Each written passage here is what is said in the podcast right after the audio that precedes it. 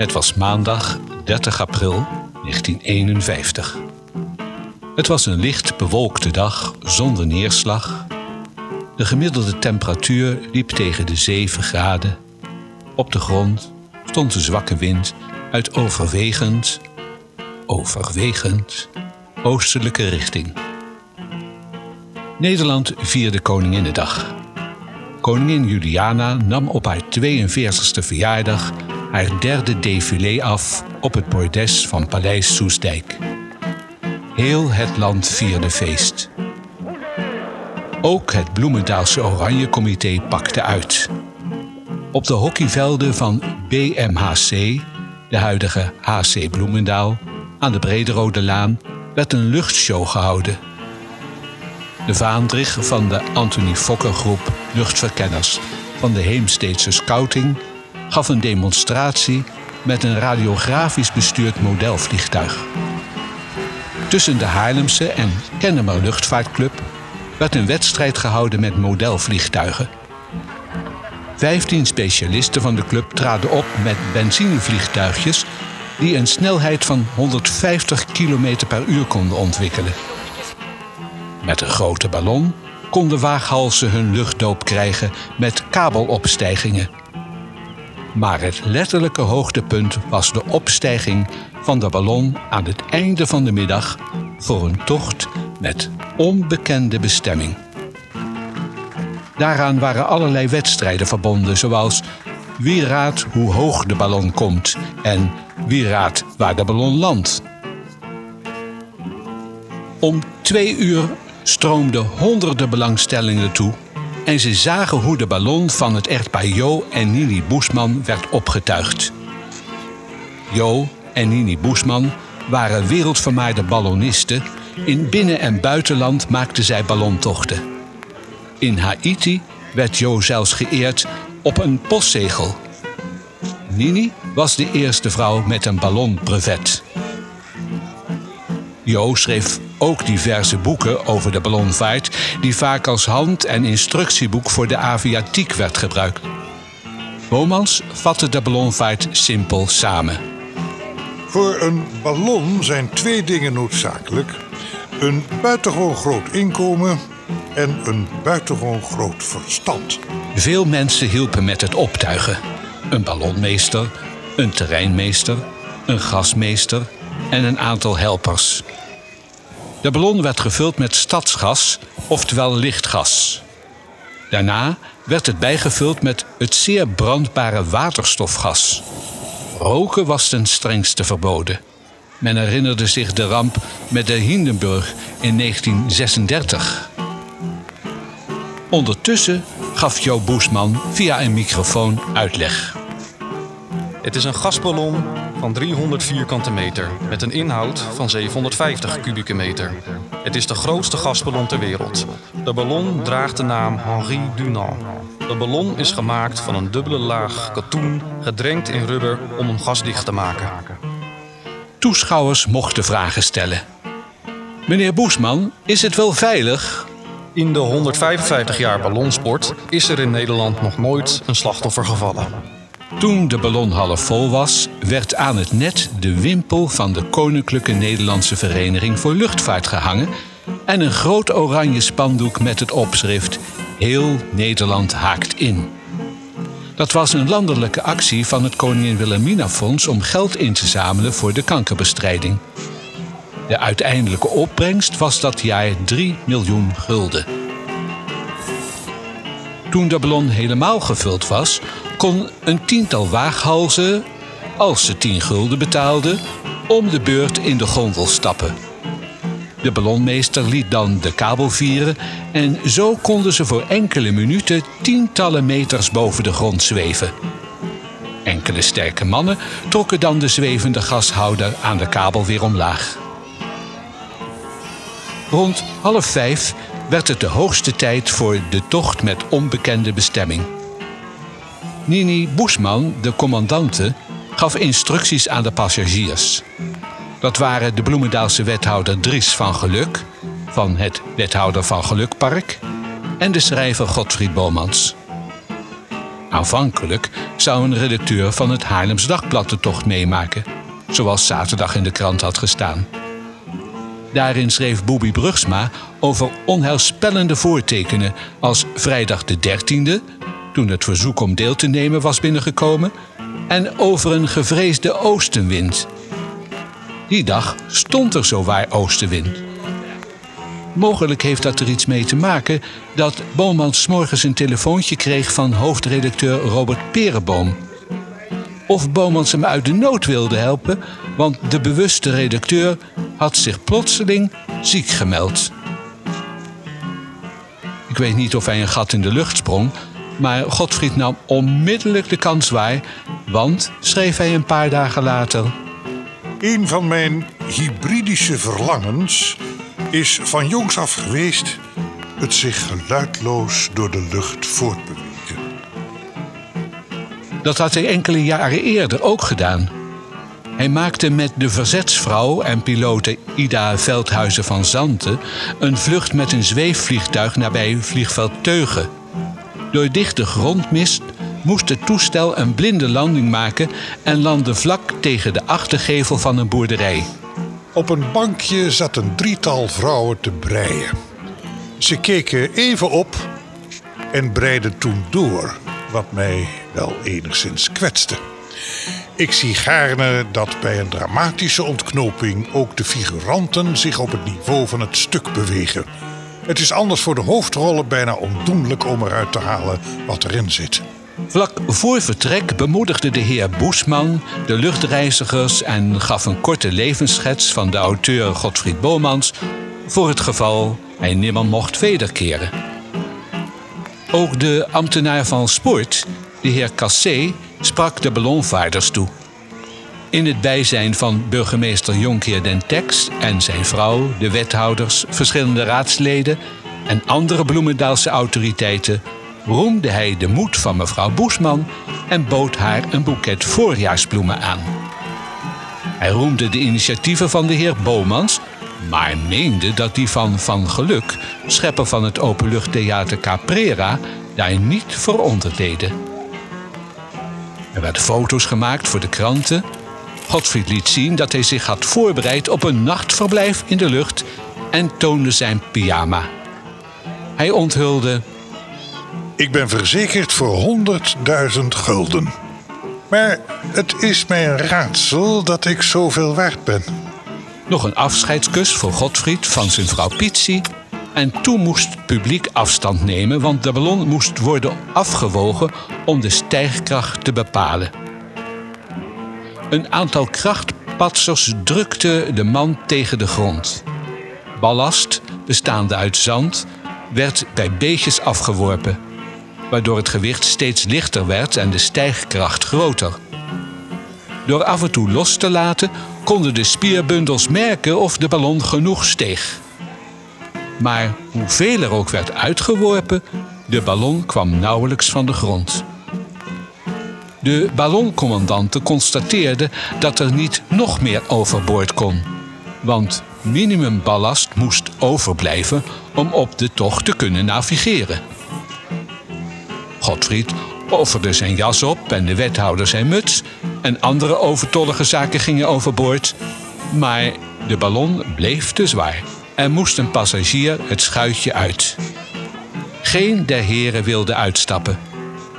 Er werd gelood wie mocht blijven, of zoals Bomans later zou zeggen, Bij het uitwegen van de band werd de Bloemendaalse wethouder van geluk echter te zwaar bevonden. Slechts mevrouw Boesman en ik bleven over. Van geluk moest beteuterd ontschepen.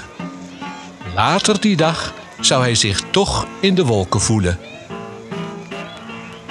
Nadat Van Geluk was uitgestapt, was het toch echt hoog tijd te vertrekken.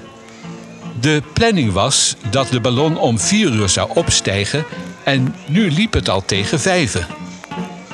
Daarom gaf ballonmeester Dijkstra haastig het commando los. Het zou een te licht genomen besluit blijken te zijn. Onder luid hoera van de toeschouwers steeg de ballon om tien voor vijf als een projectiel recht omhoog in zuidwestelijke richting. Godfried richtte zich op in zijn volle lengte, spreidde triomfantelijk zijn armen en scheen iets te roepen als... Vaarwel, vaarwel, tot.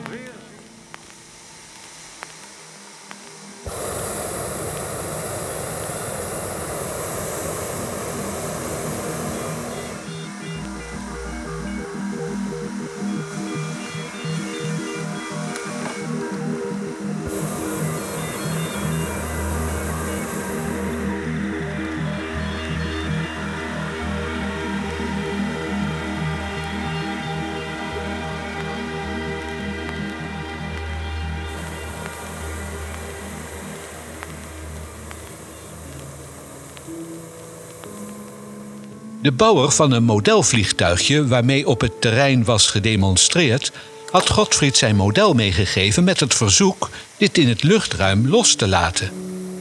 Godfried zwaaide het vliegtuigje uit de mand. En in een mooie glijvlucht planeerde het sierlijk naar het opstijgingsterrein, dat daar nu als een nietig grijsgroen zakdoekje onder ons lag. De ballonvaarders wierpen verder wimpeltjes uit voor een aan deze tocht verbonden oranje rally per auto, motor, fiets of bromfiets. Ze moesten zoveel mogelijk strooisels zien te verzamelen. Ook pakken reclamebiljetten dwarrelden regelmatig overboord. De ballon steeg vrij snel tot een hoogte van 1300 meter. Godfried zei achteraf: Hoewel we pijlsnel stegen, kreeg ik niet, zoals ik had verwacht, dat merkwaardige liftgevoel in mijn maag. Nini Boesman was gekleed in een paarse overal en had een vliegeniersmuts op. Godfried had slechts een colbert aan en een sjaal om. Hij had immers zijn jas afgegeven. Het zal koud zijn geweest op een kilometer hoogte. Maar dat was nog niets vergeleken met wat hem te wachten stond. De commandante had zich van tevoren vergewist van de windrichting. Langs de kust kwam de wind uit het noorden. Ze had gedacht met deze wind misschien Zeeland wel te kunnen halen. Maar op die hoogte stond een noordoostenwind. Die dreef hen naar zee. Met die mogelijkheid was rekening gehouden. Jo Boesman had de Noord- en Zuid-Hollandse reddingsmaatschappij in IJmuiden vooraf op de hoogte gesteld van de ballonvlucht met drie passagiers. De roemruchte reddingboot Neeltje Jacobi zou uitvaren en een oogje in het zeil houden. Boven de Kennemerduinen bleef de gezagvoerder voortdurend naar de hoogtemeter kijken. Godfried schreef later.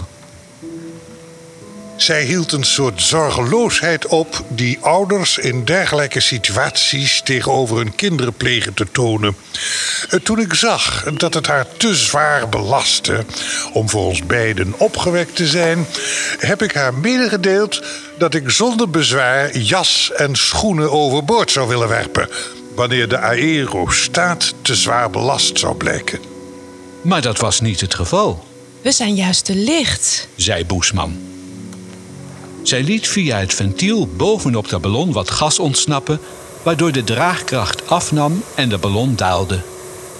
De ballon kwam in een lagere luchtlaag terecht en in een andere luchtstroom, waardoor hij naar het zuiden afboog. De ballon voer echter zo laag dat hij tweemaal de grond raakte. Het tweetal overlegde wat ze verder zouden gaan doen. Er komen misschien deze zomer nog wel betere mogelijkheden. Zou Boesman hebben gezegd. Maar beide waren van mening dat het een tikje zonde was om de vlucht nu al af te breken.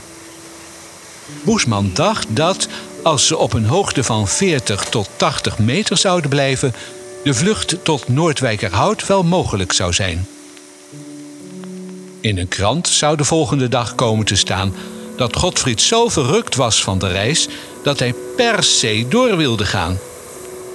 Later heeft Boesman echter weersproken dat Godfried zijn zin zou hebben doorgedreven. Bij het passeren van de zeeweg had de reporter contact met de bemanning. Meneer Bomans, hoe gaat het? Het gaat prima.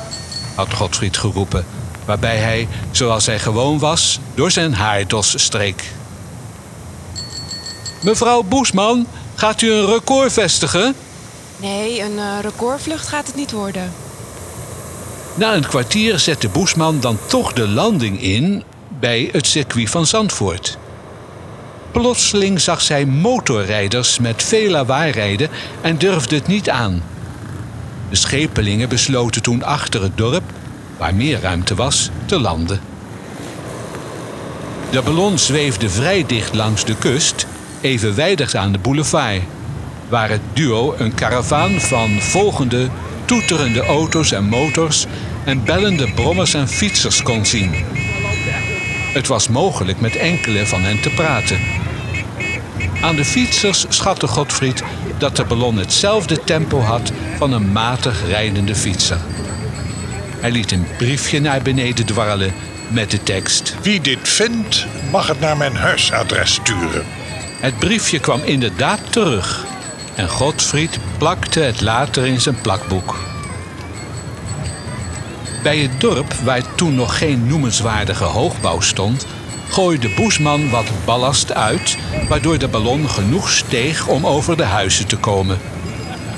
Bij strandpost de Rotonde zou een klein meisje hebben geroepen: Gaan jullie de zee in? Ter hoogte van de in aanbouw zijnde watertoren van 48 meter hoog moest nog meer ballast overboord om over dat gebouw heen te komen. En daar kreeg een plotselinge rukwind de ballon te pakken.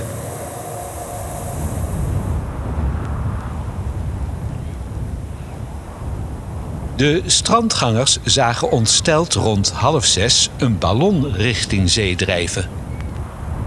Hoofd van de kustwacht, P. van der Meijen, waarschuwde zijn zoon Kors en liet onmiddellijk de bemanning van de reddingboot CAA Dudok de Wit uit de loods in de Kerkstraat halen. Ook de politie rukte uit. Boesman moest onmiddellijk landen. Dat was echter niet mogelijk. De watertoren stond in de weg en achter de watertoren was de afstand tot de waterlijn te kort om veilig op het strand te kunnen landen. En de catastrofe zou niet te overzien zijn geweest als het wel was gelukt, want op deze Koninginnedag was het daar vol met dagjes mensen, tentjes en strandstoelen. Er was geen ontkomen aan.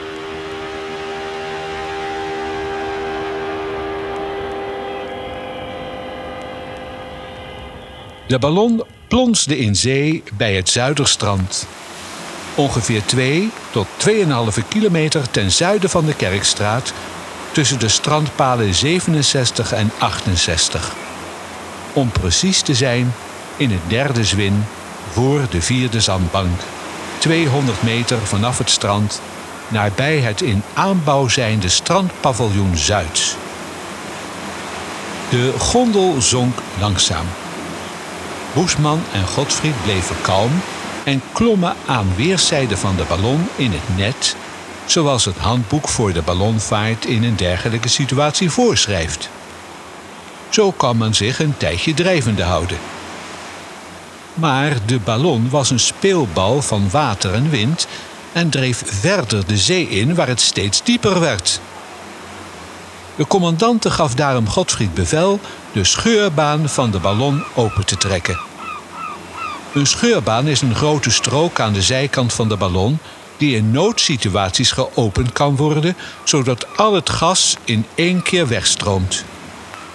Daarmee wilde Boesman voorkomen dat de ballon nog verder zou afdrijven. Intussen stelde de 60-jarige strandpachter en erelid van de Zandvoortse reddingbrigade, Jacob Kraaienhoort, ter plekke een team samen van 10 tot 20 redders waaronder enkele bouwvakkers van paviljoen Zuid. Onder hen waren Wim Braam, W. van Keulen en Jaap Koper. Enkele redders namen planken mee van die bouwerij om de drenkelingen toe te steken. In bovenkleding of ondergoed vormden zij een mensenketen de zee in. De zee was spiegelglad, maar de temperatuur van het water was 6 graden Celsius. Wanneer je ongekleed in water van 6 graden terechtkomt, heb je slechts 20 minuten overlevingskans. Je kunt 200 meter zwemmen en in twee minuten zijn je handen en voeten doof, gevoelloos en stijf geworden. De meeste redders raakten daarom door de kou verkrampt. Slechts zes slaagden erin de drenkelingen te bereiken. Jacob Kraaienoord, Willem Dorsman, Jan van der Meijen, Ed Fransen, Jan van Sluisdam en Jacques van Egmond. Intussen dreef de ballon toch verder af. Want niet al het gas was ontsnapt en zou nog een kilometer verder de zee indrijven om op een zandbank te blijven steken. Voor het zover was, stelde Godfried voor naar het strand te zwemmen. Nu kunnen we misschien de kust nog bereiken. Boesman wilde liever wachten. Hij vroeg haar of ze wel kon zwemmen. En hij bood aan. Als je het niet meer volhoudt, dan kom je maar op mijn rug zitten. Ze liet zich door Godfried overtuigen en wikkelde nog een rood manteltje waaraan ze gehecht was om haar arm. Godfried deed zijn colbertjasje en grote zware schoenen uit en het koppel deed een onzalige sprong in zee. De schok was ijselijk. Ze raakte meteen verstijfd door de kou. Bovendien raakte Boesman verward in de kabels en moest bevrijd worden door Godfried. Tegen de stroom in moest in het koude water gezwommen worden. Het leken wel kilometers. Het rode manteltje werd loodzwaar en belemmerde Boesman in haar bewegingen. Ze moest uiteindelijk toch afstand doen van haar bezit. Godfried bleek nog meer moeite te hebben met het zwemmen dan Boesman. Hun krachten begaven en ze begonnen luidkeels om hulp te roepen. Ze hadden toch beter bij de ballon kunnen blijven. Want reddingsboot Dudok de Wit had de ballon reeds bereikt. Maar de redders waren nog niet bij de drenkelingen. Die kwamen eerst bij Boesman. Ga door! Bomans verdrinkt. Toen de slachtoffers waren bereikt, werden de planken naar de drenkelingen toegeschoven. Die bleken reeds te uitgeput om die vast te klampen. Door kou en tegentij kon de krauwelslag niet volgehouden worden. En met de schoolslag zwom men maar langzaam naar het strand. Boesman liep daar nog enkele passen en stortte toen neer. Godfried was buiten Westen geraakt en bleek nogal wat water te hebben binnengekregen. De hulpverleners droegen de drenkelingen elk naar een ander strandtentje. Nog voor de Zandvoortse EHBO'ers ter plaatse waren, kon het echtpaar Mulder eerste hulp verlenen. Zij waren per motorfiets de ballon gevolgd. Godfried kreeg mond-op-mond beademing. De slachtoffers werden ontkleed en met warme doeken opgevreven. Ondertussen waren Jo Boesman en Pietsie Bomans op de plek des onheils aangekomen. Dokter C.A.H. Gerke gaf een spuitje om de slachtoffers op te peppen. Ze kregen cognac, hete melk en koffie. De redding had geen minuut langer mogen duren. Toen Godfried weer was bijgekomen, werd hij emotioneel. Hij had gevreesd de tocht niet te zullen overleven en had zich al op de dood voorbereid. Achteraf zei hij: Ja, ik was in de zee helemaal niet bang geweest, maar achteraf kreeg ik nachtmerrieachtige gedachten. Het had tenslotte veel slechter kunnen aflopen. Met een ambulance werd Godfried naar zijn huis aan de Zonderlaan in Haarlem gebracht en Nini Boesman naar haar logeeradres Hotel Zomerzorg in Bloemendaal. In de ambulance, waarin ook Pietsie Bomans en journalist Konings zaten, lag Godfried bovenin op een te kleine brancard. Boesman vroeg Godfried hoe hij het maakte. Hij zei dat het hem goed ging, maar hij miste zijn tabakzak. Eigenlijk was hij alles kwijt: tabakzak, portemonnee, horloge, trouwring.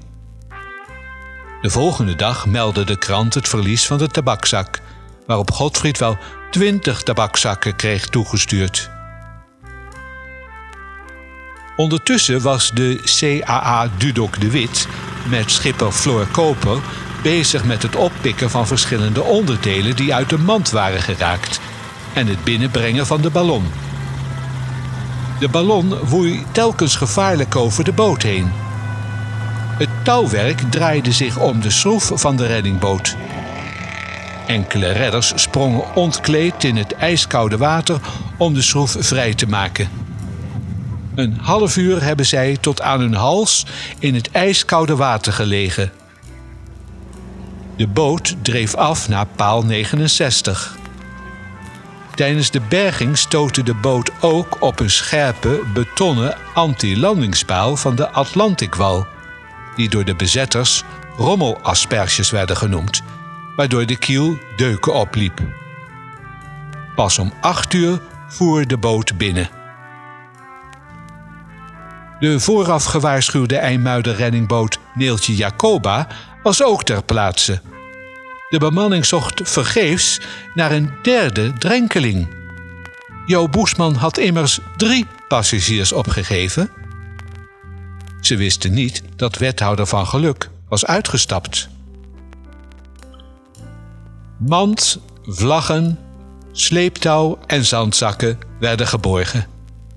De losse inventaris, waaronder een kostbare variometer, de schoudertas van Boesman met haar paspoort, vliegbuffet en andere noodzakelijkheden voor de navigatie, alsmede de beide reistassen van de ballonvaarders, verdwenen in zee.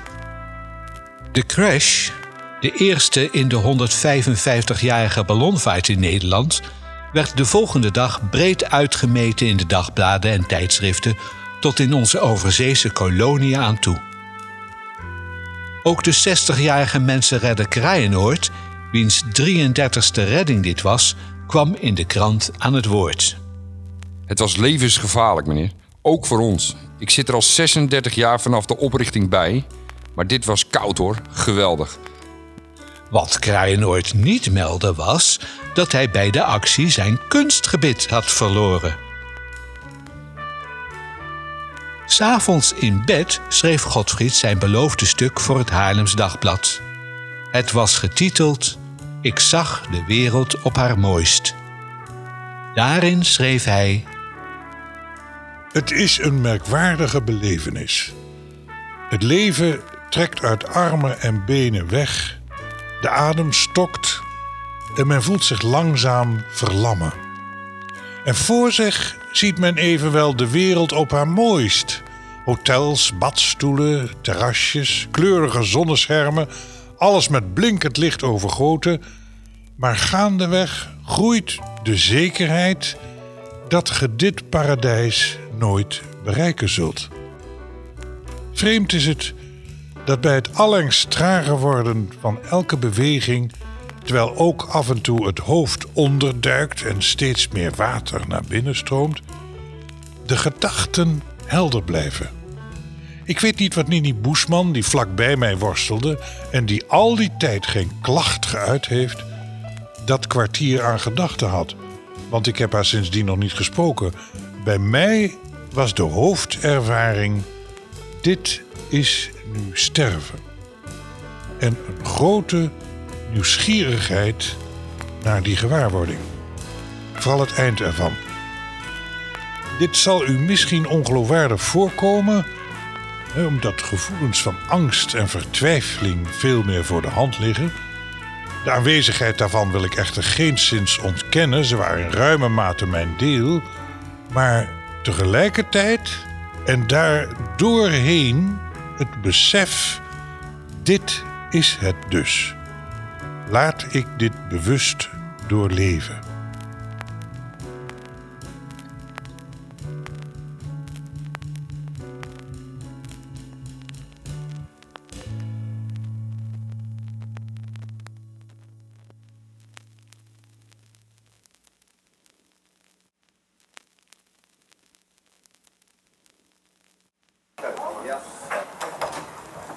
De volgende dag inspecteerden de boesmannen de restanten die keurig bij Hotel Zomerzorg waren afgeleverd. Zo goed en kwaad als het ging, maakten zij de boel schoon. De onderkant van de ballon was voor een derde deel door de rommelasperges afgescheurd en moest in het buitenland worden gerepareerd. Alleen Belgische en Franse specialisten waren daartoe in staat. Dezelfde stof bleek niet meer voorradig te zijn, zodat de Henri Dunant na reparatie net een lappendeken leek. Een enorme schadepost, want van alles was verzekerd, maar niet de ballon. Smiddags bezochten Boesman en Godfried hun redders. De mannen verklaarden zich van harte bereid zich opnieuw in het koude water te begeven als dat nodig mocht zijn, omdat zij het redden als een plicht beschouwden. Doch de weliswaar vermoeide, maar alweer gelukkig lachende schrijver had hen meegedeeld niet bereid te zijn aan deze edelmoedigheid nogmaals zijn medewerking te verlenen. Als dank bood hij een gesigneerd boek aan. De echtgenote van Kraaienoord vertelde welke vergeefse pogingen zij had aangewend om hem ervan te weerhouden zijn leven te wagen. Maar het hielp niks. Want als die ouwe iets wil, dan kan je desnoods om zijn nek gaan hangen. Maar je houdt hem toch niet tegen. Godfried ging ook bij Lodewijk van Dijssel schaken, maar repte geen woord over zijn avontuur. Dat deed hem bij deze literaire grootheid in achting stijgen. S'avonds werd Godfried verwelkomd bij Sociëteit Tijsterband, waarbij vicevoorzitter Ali Cohen hem verzocht in de toekomst zijn overmoed wat meer te beteugelen, aangezien letterlievend Nederland in het algemeen en de sociëteit in het bijzonder hem niet kunnen missen. Mevrouw Hans van Zeil, vrouw van de schilder Otto B. de Kat, droeg een gelegenheidsgedicht voor en de heer Plantijt overhandigde een zeer toepasselijke prent van Daumier, voorstellende een paar hulpbehoevende drenkelingen. Na een paar dagen werd het tweetal opgeroepen door de politie van Zandvoort, want er was een heleboel aangespoeld. De agenten hadden alles keurig op de grond uitgespreid. De kaarten waren aangetast, een tas en de instrumenten waren niet meer te gebruiken. Zelfs de portefeuille van Godfried zat erbij. Boesman zei nog: Wat gek van dat jasje. Waarom heb ik niet geprobeerd om een instrument mee te nemen? En toen zei Godfried: Nee, je dacht natuurlijk, straks moet ik netjes op het strand verschijnen. De rampvaart werd onderzocht.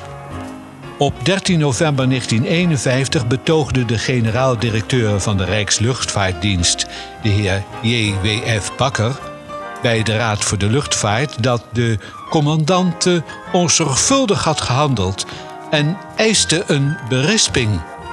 Hij betoogde: bij vertrek was het een janboel. Er stonden kleine kinderen dicht bij de ballon en ook grotere, waardoor het uitwegen van de ballon nagenoeg onmogelijk was. Niet de ballonmeester, maar de commandante was verantwoordelijk voor vertrek. De meteorologische dienst had die dag gewaarschuwd voor verschillen van temperatuur boven landoppervlak en zeeoppervlak. Een ballonvaart in de buurt van zee zou onder dergelijke omstandigheden niet ondernomen mogen worden. Ook waren er geen reddingvesten aan boord. Boesman legde Bakker uit dat een onverwachte windvlaag de oorzaak was geweest en nodigde hem uit voor een ballonvaart, zodat hij zelf kon ervaren hoe dat werkt. Hij nam de uitnodiging aan en een paar weken later voeren ze tot vlak over de grens met Duitsland. Op 11 december 1951 oordeelde de Raad voor de Luchtvaart dat de commandante niet voldoende inzicht had in de weersomstandigheden en verwachtte dat zij betere kennis van meteorologische verschijnselen zou verwerven en meer voorzichtigheid zou betrachten bij vluchten in het grensgebied van circulatieveranderingen. De Raad vond geen aanleiding tot een berisping of andere tuchtmaatregel. De ballontocht veroorzaakte ook enige creativiteit. Bij het bloemencorso later dat voorjaar maakten de Haarlemmers ter Stal en Huibers hun wagen op als Godfried van Ballon. In het nieuwsblad van Sumatra werd op 2 augustus verslag gedaan onder de titel Zandvoorts drama als klucht herleeft. De allerdolste verrassing van het corso. Godfried schreef over dit avontuur Ik zag de wereld op haar mooist, maar ook in de Pim Frits en Ida-reeks komen elementen van de onderneming voor in de deeltjes De ontsnapte ballon en Verdwaald op zee. Maar ook in sprookjes als De wolkenboom, De waaiboom en De vleugelman is vliegen een thema. En in Met een luchtballon naar Engeland en in de avonturen van Pa Pinkelman liet Godfried zijn fantasie de vrije loop. En niet te vergeten Erik op de vlinder uit Erik of het kleine insectenboek. Godfried bezocht ieder jaar de bijeenkomst van de Haagse Ballonclub in de rolzaal van het Binnenhof. Hij werd er erelid. Voor de Ballonclub bedacht hij een doopceremonie. Ieder die een ballontocht had meegemaakt werd gedoopt met zand en champagne. Godfried hield dan een toespraak. Op het eind zei Godfried... Ballast ben je en ballast zal je blijven. En dan moest de dopeling antwoorden... Ik ben niets, de balloncommandant is alles. Ik ben een waardeloze zak met zand. Boesman bood Godfried aan mee te gaan op een ballontocht van 31 augustus in Breda. Hij was razend enthousiast. Maar toen puntje bij paaltje kwam, stapte hij niet in. Een volgende keer dat hij werd uitgenodigd, belde hij op dat hij niet op tijd kon komen. Het was toen duidelijk dat hij niet meer durfde. Dat had hij eigenlijk ook al eerder gezegd. Altijd als ik met een luchtvaartuig meega, gebeurt er iets. Dat weerhield hem er overigens niet van om nog vele malen in een vliegtuig te stappen om elders op de wereld op te treden.